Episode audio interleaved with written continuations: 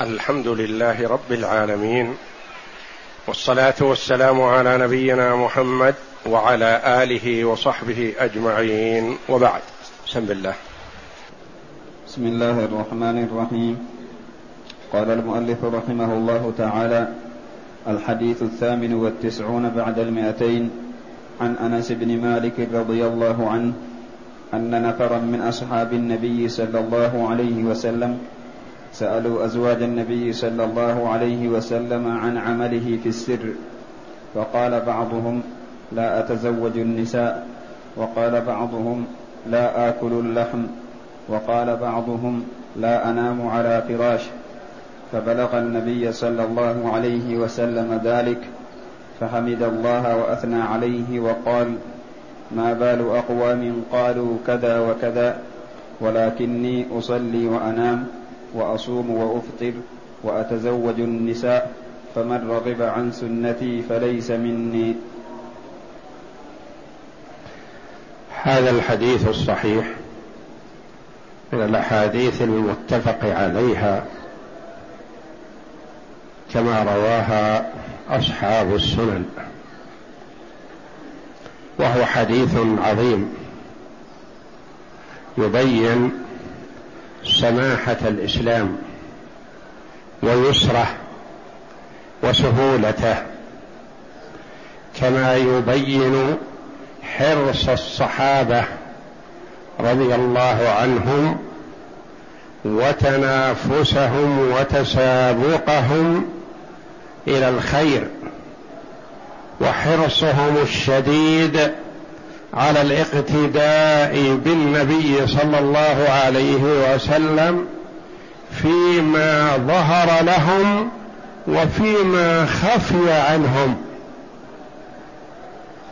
هؤلاء جماعة من صحابة رسول الله صلى الله عليه وسلم حريصون على الاقتداء بالنبي صلى الله عليه وسلم فيما يطلعون عليه في صلاته وقراءته وأخلاقه ومعاملته لكن هناك أعمال سرية ما يطلع عليها عامة الناس من يعرفها أمهات المؤمنين رضي الله عنهن وأرضاهن. وهذا من الحكم العظيمة أن النبي صلى الله عليه وسلم جعل الله له أن يتزوج بأكثر من أربع لأجل نشر العلم والفقه والإفادة عن أحوال النبي صلى الله عليه وسلم داخل بيوت أمهات المؤمنين رضي الله عنهن. من يبين هذا؟ أمهات المؤمنين رضي الله عنهن. سارع هؤلاء الصحابة رضي الله عنهم إلى أمهات المؤمنين. يسألونهن عن أعمال النبي صلى الله عليه وسلم داخل البيت.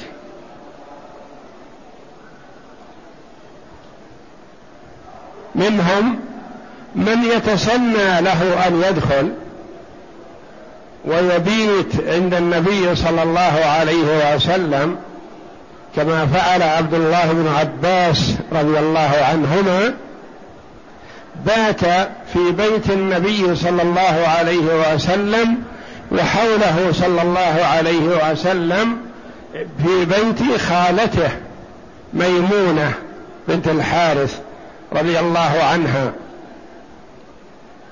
ميمونة خالة عبد الله بن عباس جاء يبيت عند النبي صلى الله عليه وسلم واطلع على عمله. الآخرون لا يتسنى لهم ذلك جاءوا يسألون أمهات المؤمنين عن عمله صلى الله عليه وسلم في بيته. فأخبروا عن عمله صلى الله عليه وسلم وأنه عليه الصلاة والسلام قد يصلي بالركعة الواحدة البقرة والنساء وآل عمران.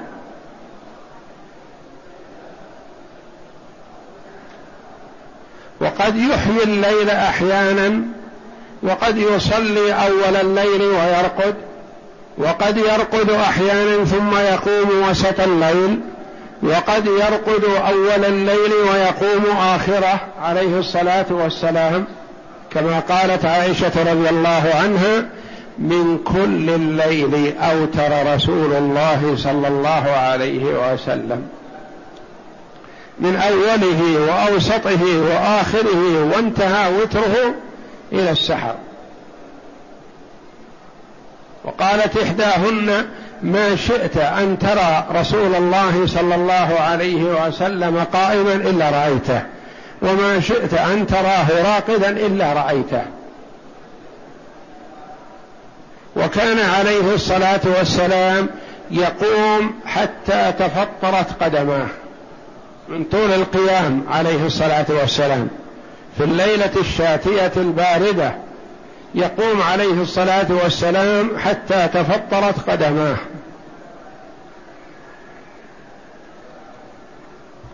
جاء هؤلاء الصحابة رضي الله عنهم يسألون أمهات المؤمنين عن عمله صلى الله عليه وسلم فأخبروا.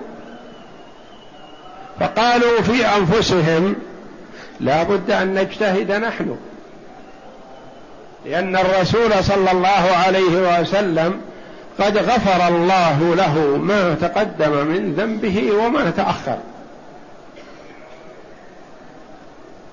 فنجد ونجتهد في العبادة.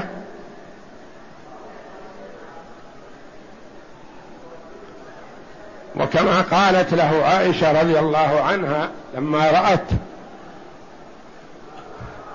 طول قيامه عليه الصلاة والسلام قالت تفعل هذا يا رسول الله وقد غفر الله لك ما تقدم من ذنبك وما تأخر. قال عليه الصلاة والسلام أفلا أكون عبدا شكورا؟ أشكر ربي على هذه النعمة العظيمة. الصحابة رضي الله عنهم من حرصهم على العبادة والإقبال على الطاعة والإكثار منها قال بعضهم لبعض. قال بعضهم أنا لا أتزوج النساء لأن المرأة تريد من الرجل حقا وهو يريد أن يصرف وقته في عبادة الله.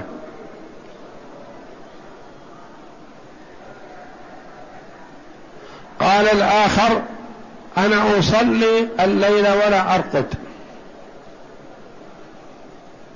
قال الثالث أنا لا آكل اللحم زهدا في ملاذ الحياة الدنيا.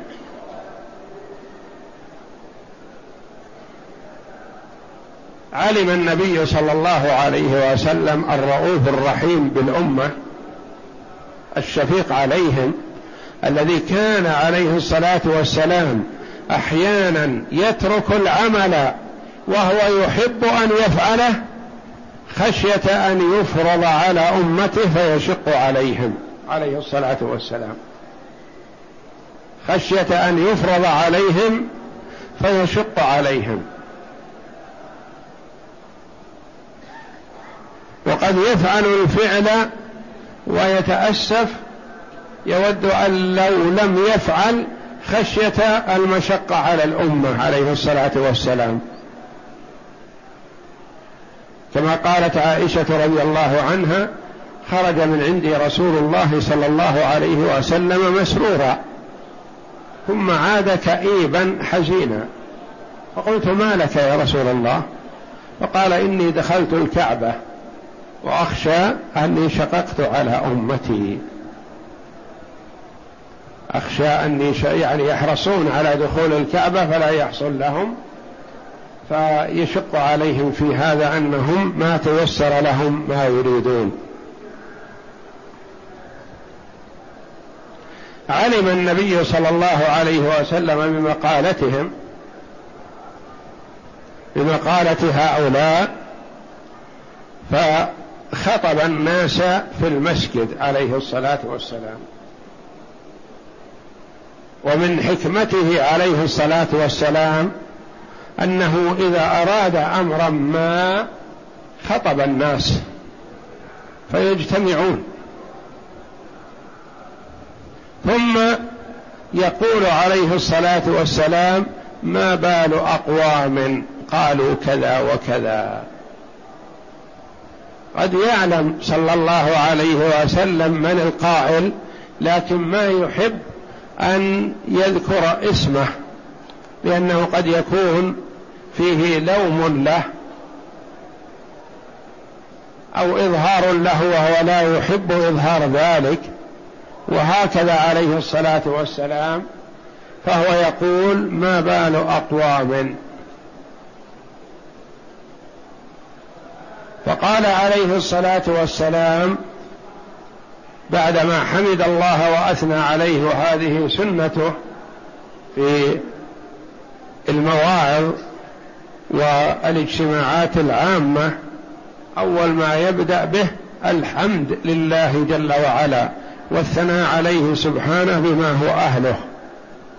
ثم قال ما بال أقوام قالوا كذا وكذا. عبر عما قالوه عليه الصلاة والسلام بقوله كذا وكذا. ولكني هو عرف عليه الصلاة والسلام أن قصدهم الاقتداء به ومتابعته فأراد أن يخبرهم عن حاله عليه الصلاة والسلام. قال لكني أصلي وأنام لأن طول السهر يشق على الإنسان والاستمرار في السهر قد يضره. لو نام بالنهار ما يكفيه. قد يحيي الليل صلى الله عليه وسلم في مواسم وفي أيام مثلا ليالي معينة يحيي الليل صلى الله عليه وسلم ولا تدوم فلا يكون فيها مشقة. كالعشر الأواخر من رمضان عليه الصلاة والسلام كان في العشرين الأول يصلي ويرقد. فإذا كانت العشر الأواخر أحيا ليلة وأيقظ اهله, أهله وشد المئزر وجد واجتهد عليه الصلاة والسلام تحريا لليلة القدر عليه الصلاة والسلام. لكن على سبيل العموم والأيام المتتابعة كان لا يحيي الليل كله. يقول لكني أصلي وأنام. يعني أنام شيء من الليل وأصلي شيئا منه. ولا يلزم أن تكون الصلاة أول ثم النوم ثاني إلا أنه يدل على أنه يجعل من الليل وقتا للنوم ومن الليل وقتا للصلاة. أصلي وأنام وأصوم وأفطر ما اواصل الصيام. مواصلة الصيام اولا قد تضر بالبدن وتؤثر عليه ثم قد لا يتلذذ المرء بالصيام لأنه مستمر على هذه الطريقة. والاستمرار على أمر ما قد تذهب لذته والاستمتاع به والاستفادة منه. يكون هذا ديدنه.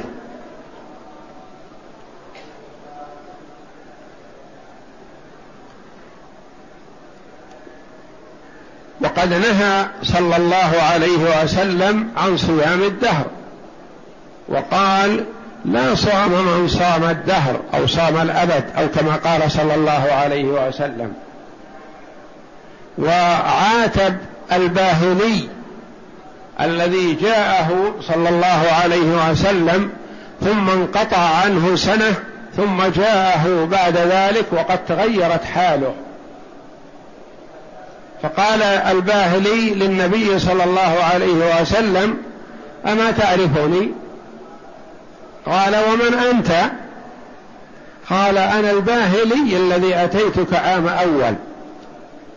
قال وما الذي غير حالك وهيئتك؟ كان حسن الهيئة. قال ما أكلت طعاما بعدك إلا بليل. يعني منذ فارقتك العام الماضي ما أفطرت بالنهار. وهذا يحتمل أنه قبل تحريم صيام يومي العيدين ويحتمل أنه يقصد الأيام التي يباح صيامها. إن كان قد مضى وظهر تحريم صوم يومي العيدين يعني الأيام التي لا يحرم صيامها. قال له النبي صلى الله عليه وسلم عذبت نفسك. ما هكذا ينبغي؟ عذبت نفسك. ولما قيل له عن عبد الله بن عمرو بن العاص رضي الله عنهما أنه يريد أن يصوم الدهر كله أبى عليه صلى الله عليه وسلم. وأخبر عن سنته قال وأصوم وأفطر. فكان عليه الصلاة والسلام كما قالت أمهات المؤمنين كان يصوم يواصل الصيام حتى نقول لا يفطر. ثم يفطر ويواصل الفطر حتى نقول لا يصوم. وكان عليه الصلاة والسلام يرغب في صيام داود عليه الصلاة والسلام الذي هو صيام يوم وفطر يوم.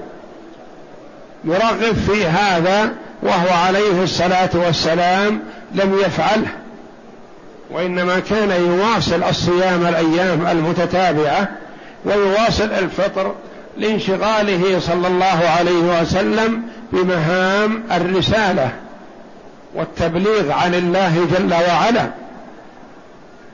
ومخالطة الناس وتوجيههم فكان يصوم الأيام ثم يفطر أياما وقد يكون صومه أكثر من صيام يوم وفطر يوم عليه الصلاة والسلام. وبين عليه الصلاة والسلام أنه أفضل الصيام صيام داود. كان يصوم يوما ويفطر يوما ولا يفر إذا لاقى. كان إذا خرج للجهاد في سبيل الله لا يفر قوي. يعني ما ضره الصيام. وإذا كان بهذه المثابة فهو لا يضر ولا يسأم الصيام لأنه يوم ويوم يوم صيام ويوم فطر يوم صيام ويوم فطر. إذا أفطر اشتاق إلى الصيام. وإذا صام يشعر بأنه قائم بعبادة عظيمة متواصلة من أول النهار من طلوع الفجر إلى غروب الشمس وهو في عبادة. سواء نام استيقظ اشتغل بشيء ما هو في عبادة. أصوم وأفطر يعني أصوم بعض الأيام وأفطر بعض الأيام. ولا أواصل الصيام وأتزوج النساء. يقول عليه الصلاة والسلام أتزوج النساء. وزواج النساء سنة رسول الله صلى الله عليه وسلم وسنة المرسلين قبله. وفيه مصالح عظيمة غير اللذة وإنما فيه مصالح. ما بالك لو أن الناس كلهم تركوا الزواج ألا ينقطع النسل؟ وتنتهي الأمة. وبالزواج مثلا تحصل الذرية ويتكاثر الناس ويتكاثر عباد الله يكثرون. ويحصل مصالح يعف نفسه ويعف زوجته أو زوجاته. وينفق على زوجاته ويتولى أمورهن ويكون فيه ترابط بين الأسر وتقارب وتعاون. هذا بالمصاهرة هذا يتزوج منه وهذا يزوجه وهكذا. فتتصل الأسر بعضها ببعض كما حصل من زواج النبي صلى الله عليه وسلم. كان يتزوج من شتى القبائل والأسر فكان في ذلك ترابط وإحسان ومسارعة من القبائل بالإسلام لأنهم صاروا أصبحوا اصهار محمد صلى الله عليه وسلم.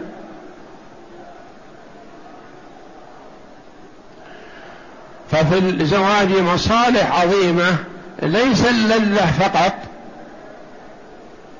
وإنما المصالح كثيرة ومنها الأجر العظيم الذي يحصل للمرء. كما قال عليه الصلاة والسلام لما عدد الأمور التي يحصل فيها أجر للإنسان قال وفي بضع احدكم صدقة. يعني جماع الرجل لزوجته صدقة عليه وعليها. تعجب الصحابة رضي الله عنهم قالوا يا رسول الله أيأتي أحدنا شهوته ويكون له فيها أجر؟ يعني هو يشتهي هذا الشيء ويكون له أجر. قال عليه الصلاة والسلام أراد أن يقرب لهم ذلك.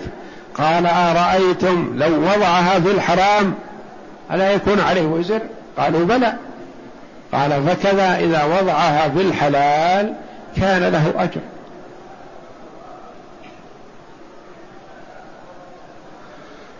فزواج مثل الزواج بالنساء سنة المرسلين وسنة نبينا محمد صلى الله عليه وسلم. وكان الصحابة رضي الله عنهم يحث بعضهم بعضا على الزواج. كما قال عبد الله بن مسعود وقال عبد الله بن عباس مثلا لو علمت أنه ما بقي من أجلي إلا عشرة أيام بعدها أموت وتمكنت من الزواج لتزوجت. وكان يرغب بعضهم بعضا ويقول بعضهم وروي عن بعضهم انه قال خير هذه الامه اكثرها نساء. فخير هذه الامه على الاطلاق من هو؟ هو محمد صلى الله عليه وسلم.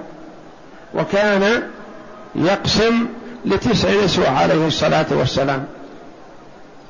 وهذه من خصائصه. والصحابة رضي الله عنهم أكثرهم مات عن أربع أربع نساء رضي الله عنهم. فمن رغب عن سنته فليس مني. من رغب عن سنة الرسول صلى الله عليه وسلم يقول فليس مني. إذا رغب عنها زهدا فيها أو استقلالا لها فهذا تنطع. وتكلف وخروج عن المألوف. فليس مني. والنبي عليه الصلاة والسلام رغب في أن يقبل المرء على طاعة الله وأن يعمل لدنياه. وكان عليه الصلاة والسلام يبيع ويشتري ويسر بالربح بالتجارة عليه الصلاة والسلام كما أنه عليه الصلاة والسلام أعطى رجلا دينارا ليشتري له شاة. فذهب الرجل واشترى للنبي صلى الله عليه وسلم بالدينار شاتين. وفي أثناء الطريق باع إحدى الشاتين بدينار. لأنه عرف أن النبي صلى الله عليه وسلم لا يريد إلا شاة واحدة. فباع في أثناء الطريق إحدى الشاتين وجاء إلى النبي صلى الله عليه وسلم بالشاة والدينار. فسر النبي صلى الله عليه وسلم بهذا ودعا له أربح الله بيعتك أو كما قال صلى الله عليه وسلم. فكان رضي الله عنه لو اشترى ترابا لربح فيه. ببركة دعوة النبي صلى الله عليه وسلم. والنبي صلى الله عليه وسلم لا طمعا في الدنيا في هذا فهو يعطي عطاء من لا يخشى الفقر لكن ليعود الأمة الكسب الحلال والعمل وعدم الاتكال وأن الإنسان لا يكون على حساب غيره وإنما يعمل وينتج. وكان الصحابة رضي الله عنهم يقولون كنا نحامل على ظهورنا فنأكل ونتصدق. يحاملون على ظهورهم الأمتعة رضي الله عنهم وما شانهم ذلك. ويأكلون ويتصدقون. يحاول الإنسان أنه يكسب درهم أو درهمين أو ثلاثة أو أقل أو أكثر في اليوم فيتصدق ببعضها ويأكل هو وأهله بعضها. وربما أجر نفسه عند يهود يمتح لهم الماء. يخرج لهم الماء من البئر الدلو بكذا مثلا. ثم يأخذ كسبه ويأكل منه ويتصدق. ويقول أحدهم لما نزل الأمر بالصدقة كنا نحامل على ظهورنا فنأكل ونتصدق رضي الله عنهم وأرضاهم. فمن رغب عن سنتي فليس مني لأن الاقتداء بالنبي صلى الله عليه وسلم هو الاعتدال وهو الصواب. والله جل وعلا يقول قل إن كنتم تحبون الله فاتبعوني يحببكم الله. ويقول جل وعلا قل من حرم زينة الله التي أخرج لعباده والطيبات من الرزق. والطيب من الرزق عونا على الطاعة وكف للإنسان عن السؤال والتعرض للناس يعمل لنفسه ويكتسب. وقال عليه الصلاة والسلام لنفسك عليك حقا ولزوجك عليك حقا ولربك عليك حقا فأعط كل ذي حق حقه. لا تبخس حق أحد ما.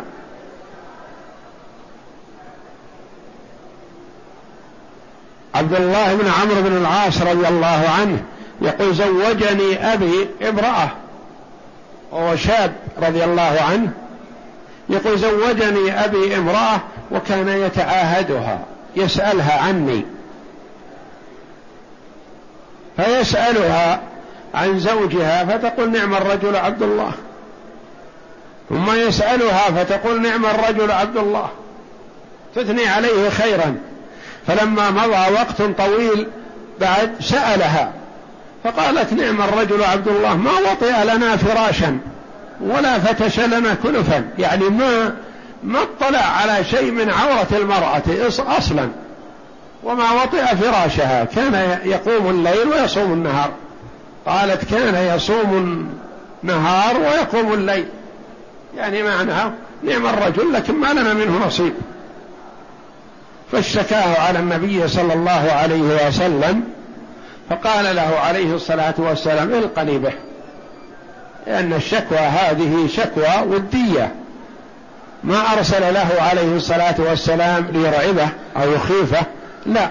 قال القني به يعني تعال أنت وإياه إلي في أحد الأيام. فجاء به أبوه إلى النبي صلى الله عليه وسلم فقال يا عبد الله ألم أحدث أنك تقول أصوم النهار وأقوم الليل؟ قال بلى يا رسول الله ما يستطيع يخفي عن النبي صلى الله عليه وسلم. فنهاه النبي صلى الله عليه وسلم وقال له مثلا صم يوما من الشهر قال بي إني أجد أطيق أفضل من ذلك. فقال صم ثلاثة أيام من الشهر قال أطيق أفضل من ذلك. ثم تدرج معه وقال له صم يوما وافطر يومين قال أطيق أفضل من ذلك.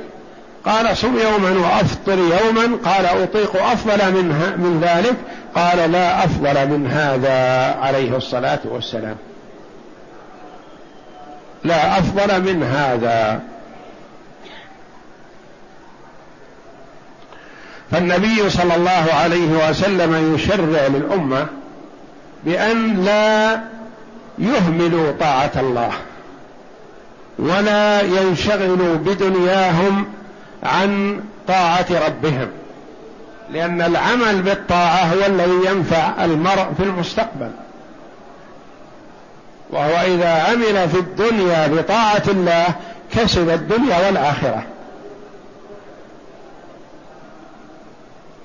فهو يأمرهم بهذا وينهاهم عن التكلف.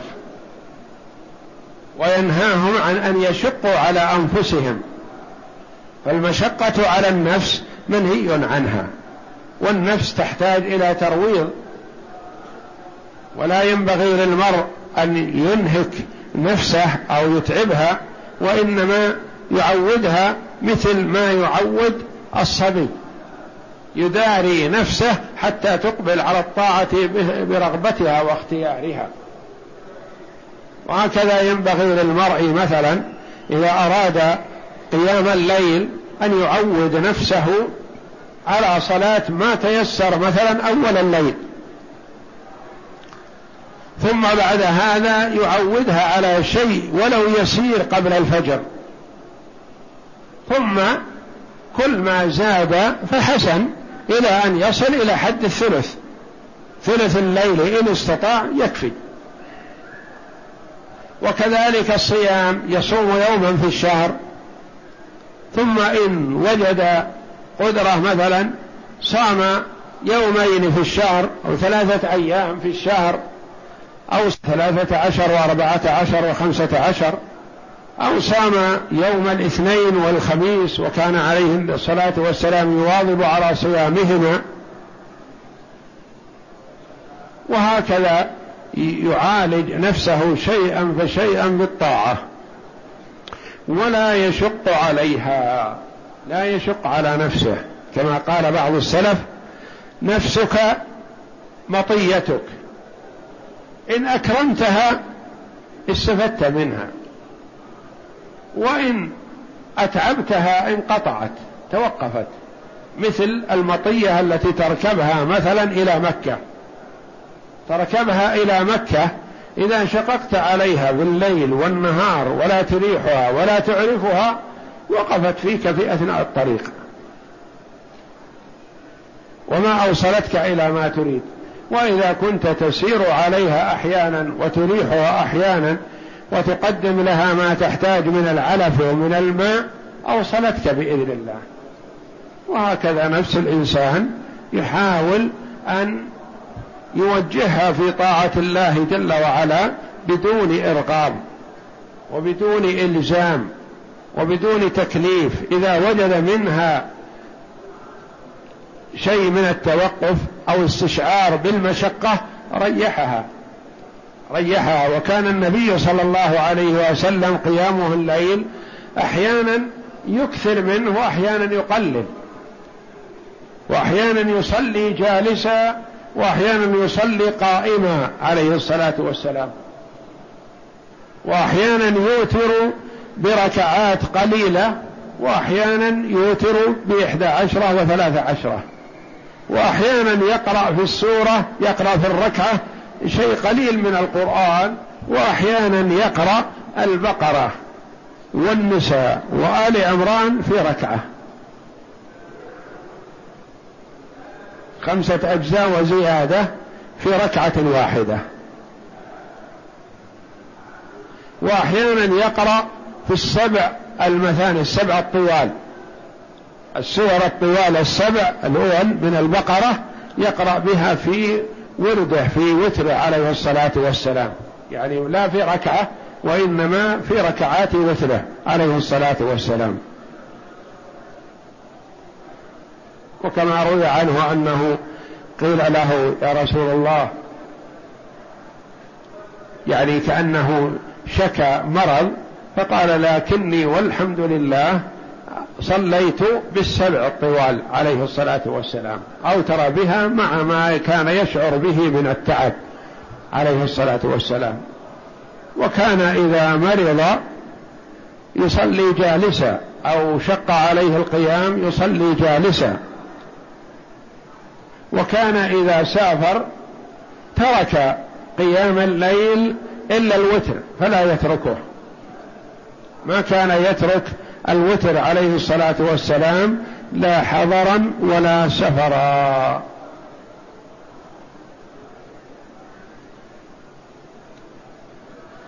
فهذا الحديث أورده المؤلف رحمه الله لبيان أن الزواج من سنة رسول الله صلى الله عليه وسلم. وتقدم لنا الحديث الذي قبله يا معشر الشباب من استطاع منكم الباءة فليتزوج فإنه أغض للبصر وأحسن للفرج ومن لم يستطع فعليه بالصوم فإنه له وجاء. وإذا تزوج الإنسان له أن يتزوج واحدة أو يتزوج اثنتين أو يتزوج ثلاث أو يتزوج أربع. حتى قال بعض العلماء الأصل التعدد لأن الله جل وعلا قال فانكحوا ما طاب لكم من النساء مثنى بدأ بالتعدد قبل الإفراد. مثنى وثلاث ورباع فإن خفتم ألا تعدلوا. فواحدة. فإن خاف ألا يعطي الواحدة حقها فليأخذ أمه ملك يمين يشتريها وإذا طاب خاطره منها إن لم تلد له باعها. وإن ولدت له أصبحت أم ولد ما تباع وليس لها حكم الزوجات ولا ولا حكم الإماء من حيث البيع.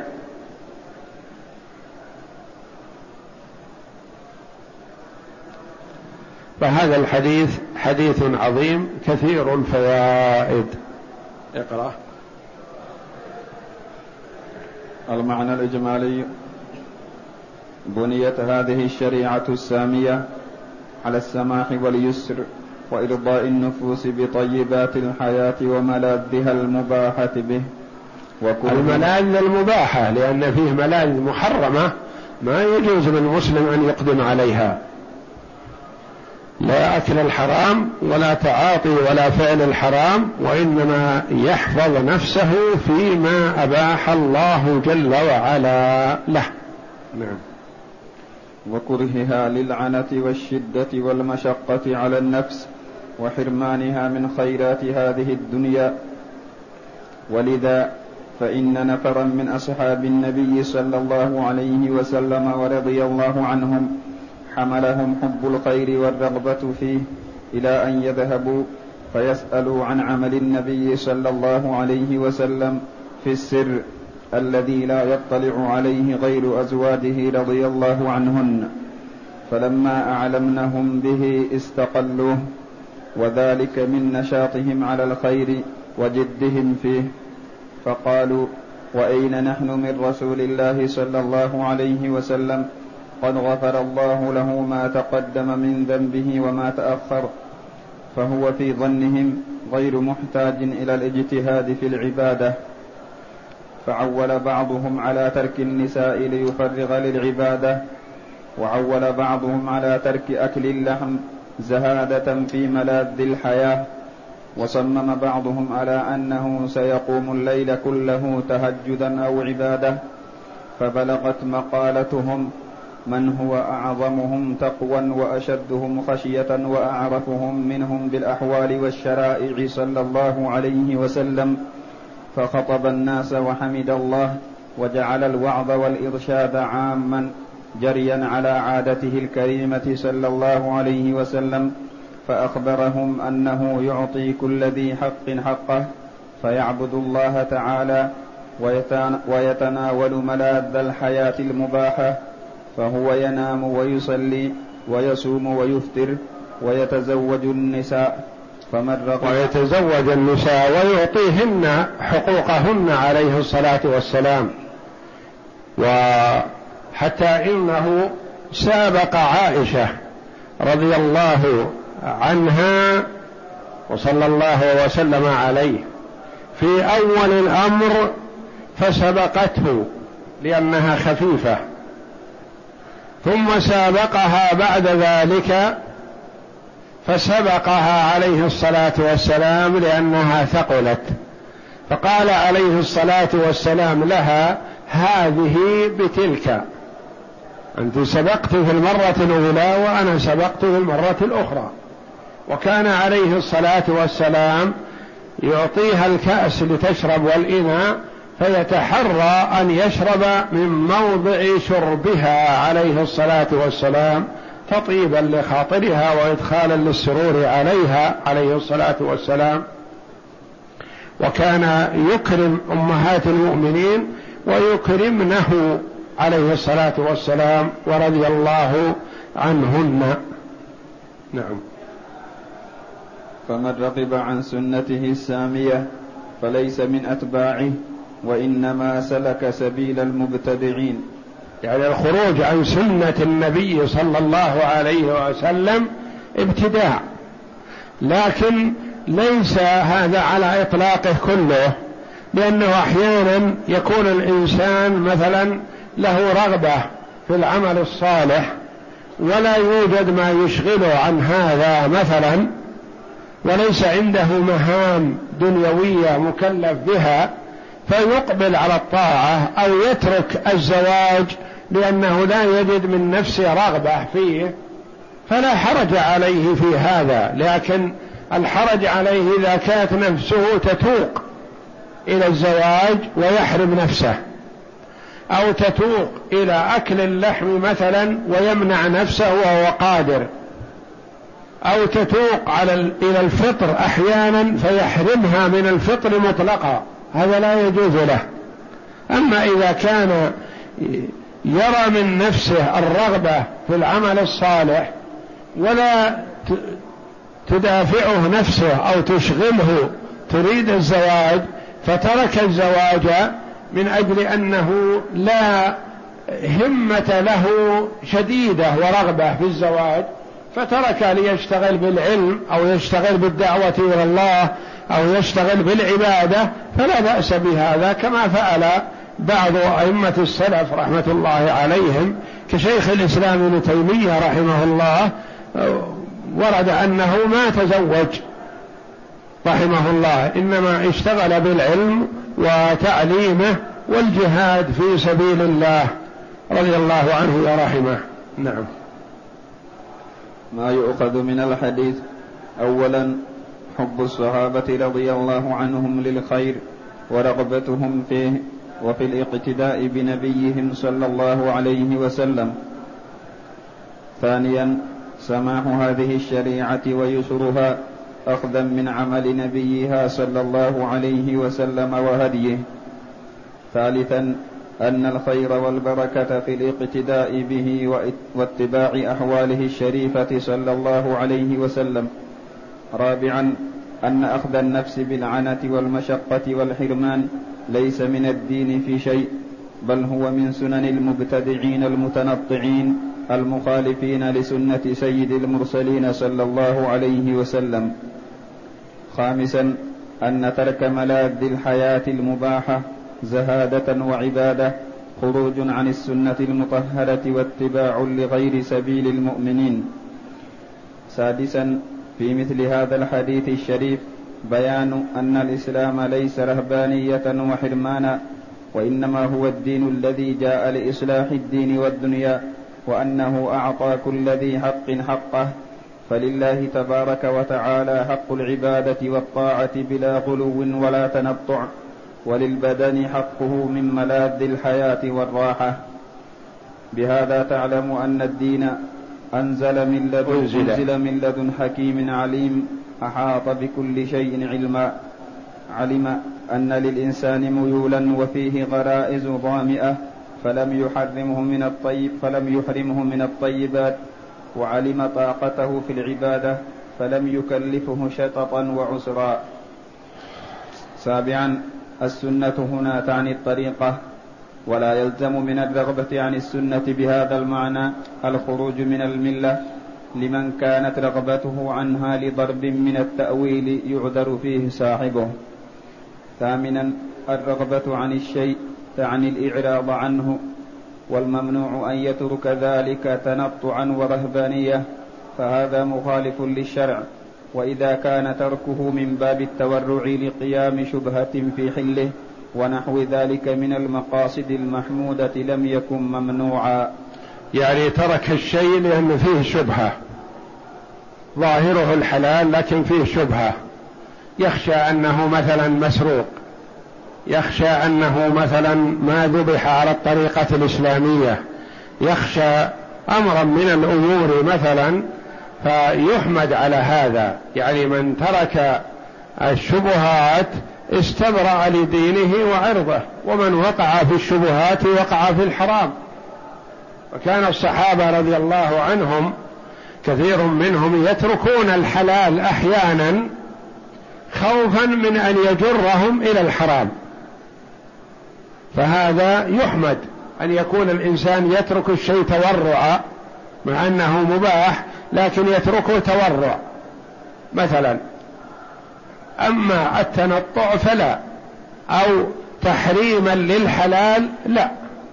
لكن يقول أنا لا أقول محرم لكني أخشى كذا مثلا لحوم مستوردة يقول أنا لا أكلها.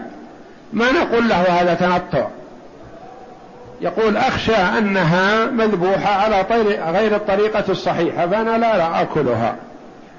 هل نلوم على هذا؟ لا. نقول هذا احتياط. احتياط يخشى أنها تكون مذبوحة على طريقة غير صحيحة فتكون حرام. مثلا في وقت يكون فيه كثير النهب والاختلاس وكذا. يقول أنا لا آكل من اللحم المجلوب في السوق لأنه كثر الحرامية وكثر مثلا من يسرق الإبل ويذبحها ويسرق الأغنام ويذبحها فأخشى أن هذا مسروق لا يحل فأنا لا أريده في غنى عنه. ولا أشق على نفسي آكل غيره مثلا وهكذا. فالمرء إذا استبرأ ترك المتشابه خوفا من الوقوع في الحرام فذلك خير له. لأن النبي صلى الله عليه وسلم قال إن الحلال بين والحرام بين. وبينهما أمور مشتبهات لا يعلمهن كثير من الناس. فمن وقع في الشبهات وقع في الحرام. فيحسن من المرء أن يكون ورعا عن الشيء المشتبه لكن لا يحرمه على نفسه أو يحرمه على غيره. يقول لا بس أنا مثلا أرى أنه في شبهة أخشى أنه ما سمحت نفس صاحبه وهكذا مثلا. أخشى أنه من من الصدقة وأنا إنسان مغني الله غني. مثلا كما قال النبي صلى الله عليه وسلم لما وجد تمرة في الطريق قال لولا أن تكون لولا أني أخشى أن تكون من الصدقة لأكلتها فالأصل فيها الحل وتمرة ليست بيد أحد ولا يقال عنها أنها صدقة. لكن خشي صلى الله عليه وسلم أنها سقطت ممن خرج بصدقته. فهو عليه الصلاة والسلام ترفع وتنزه من أن يأكل من الصدقة ولم يحرمها على غيره عليه الصلاة والسلام. وهكذا الإنسان إذا ترك المشتبه فإنه يشكر على هذا ويثنى عليه. والله أعلم. وصلى الله وسلم وبارك على عبد ورسول نبينا محمد وعلى آله وصحبه أجمعين.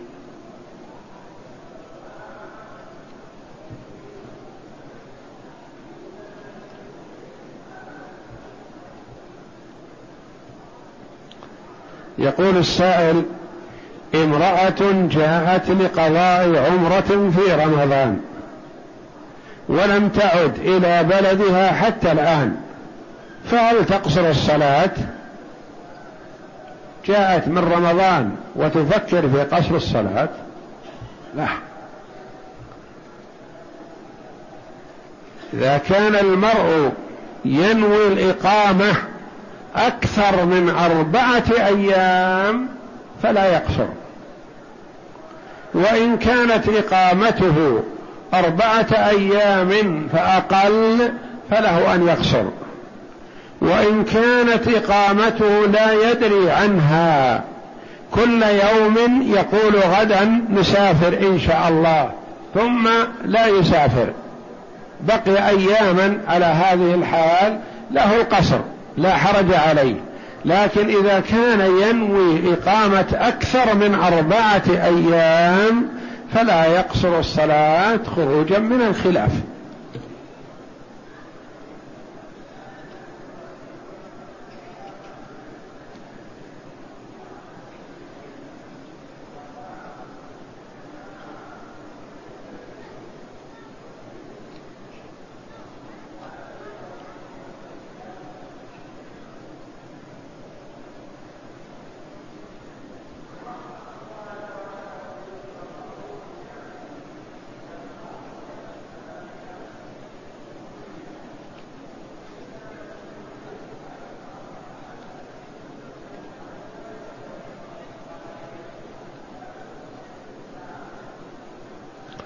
يقول هل يجوز مجالسة أهل البدع ومواكلتهم والاستئناس بهم؟ أقول المجالسة تختلف.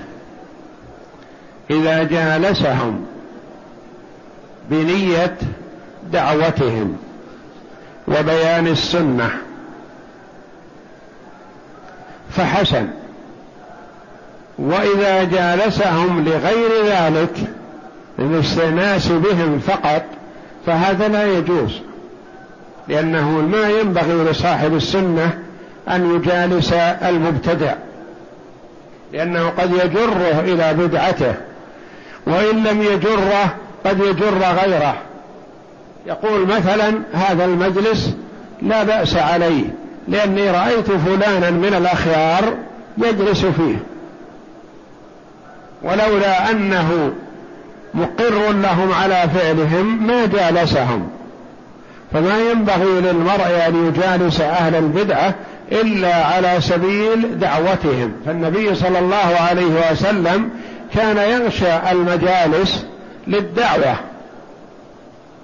وأما على سبيل الاستئناس بهم وهم مبتدعة مثلا تاركون لسنة رسول الله صلى الله عليه وسلم فلا يجوز.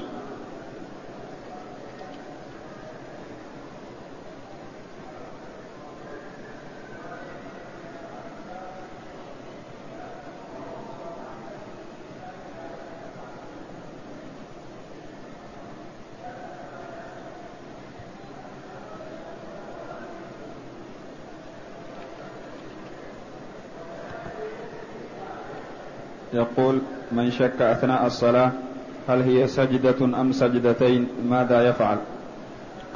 إذا شك فيبني على اليقين واليقين هو الأقل. يعني هو لا يدري هل السجدة التي قام منها هي الأولى أم الثانية. نقول يجعلها الأولى ويأتي بالسجدة الثانية ثم قبل السلام يسجد للسهو سجدتين فيبني على اليقين. وفرق بعض العلماء بين الإمام والمنفرد فقالوا الإمام يبني على غالب ظنه اذا كان يترجى عنده أنها السجده الثانية أو يترجى عنده أنها الأكثر في الركعات مثلا يبني على غالب ظنه لأن معه من ينبهه. أما إذا كان منفرد قالوا يبني على اليقين الذي هو الأقل لأنه ليس معه من ينبهه.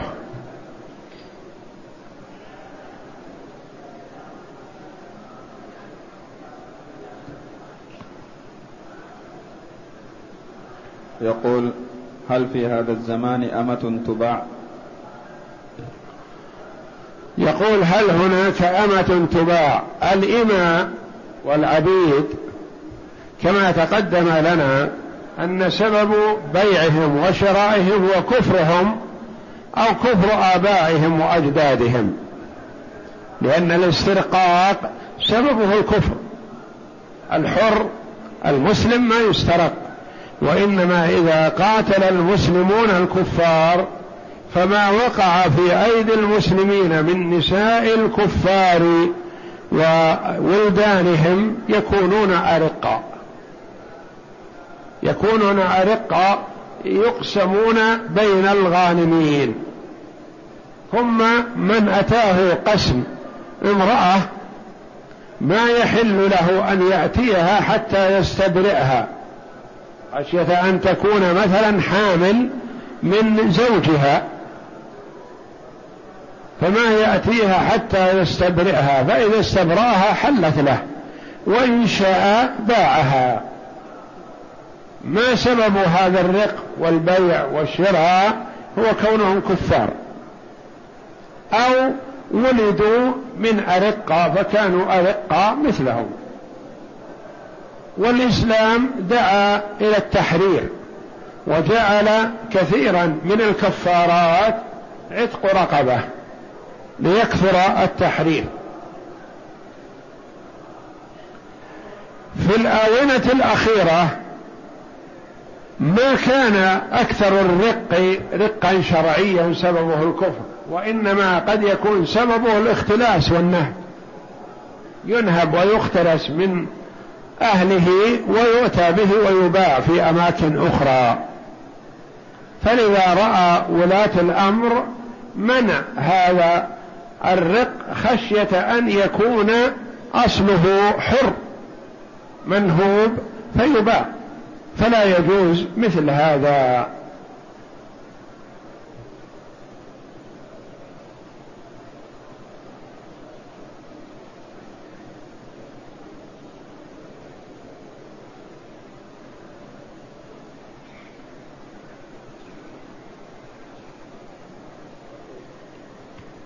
يقول إذا كانت هناك نجاسة في ثيابي وغسلتها بيدي بالماء فقط وقد تبقى نجاسة قليلة فهل تصح الصلاة؟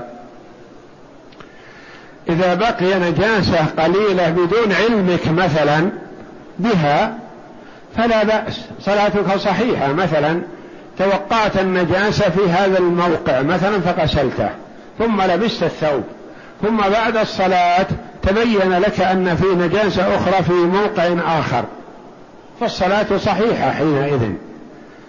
أما إذا صليت في الثوب وفيه نجاسة وغير نسيان ولا جهالة فلا يجوز لك. والصلاة حينئذ غير صحيحة لأنه يشترط الطهارة في البقعة والثوب والبدن. لا بد من الطهارة. أما نجاسة ما علمت عنها حتى صليت فصلاتك صحيحة. والله أعلم. وصلى الله وسلم وبارك على عبد ورسول نبينا محمد وعلى آله وصحبه أجمعين.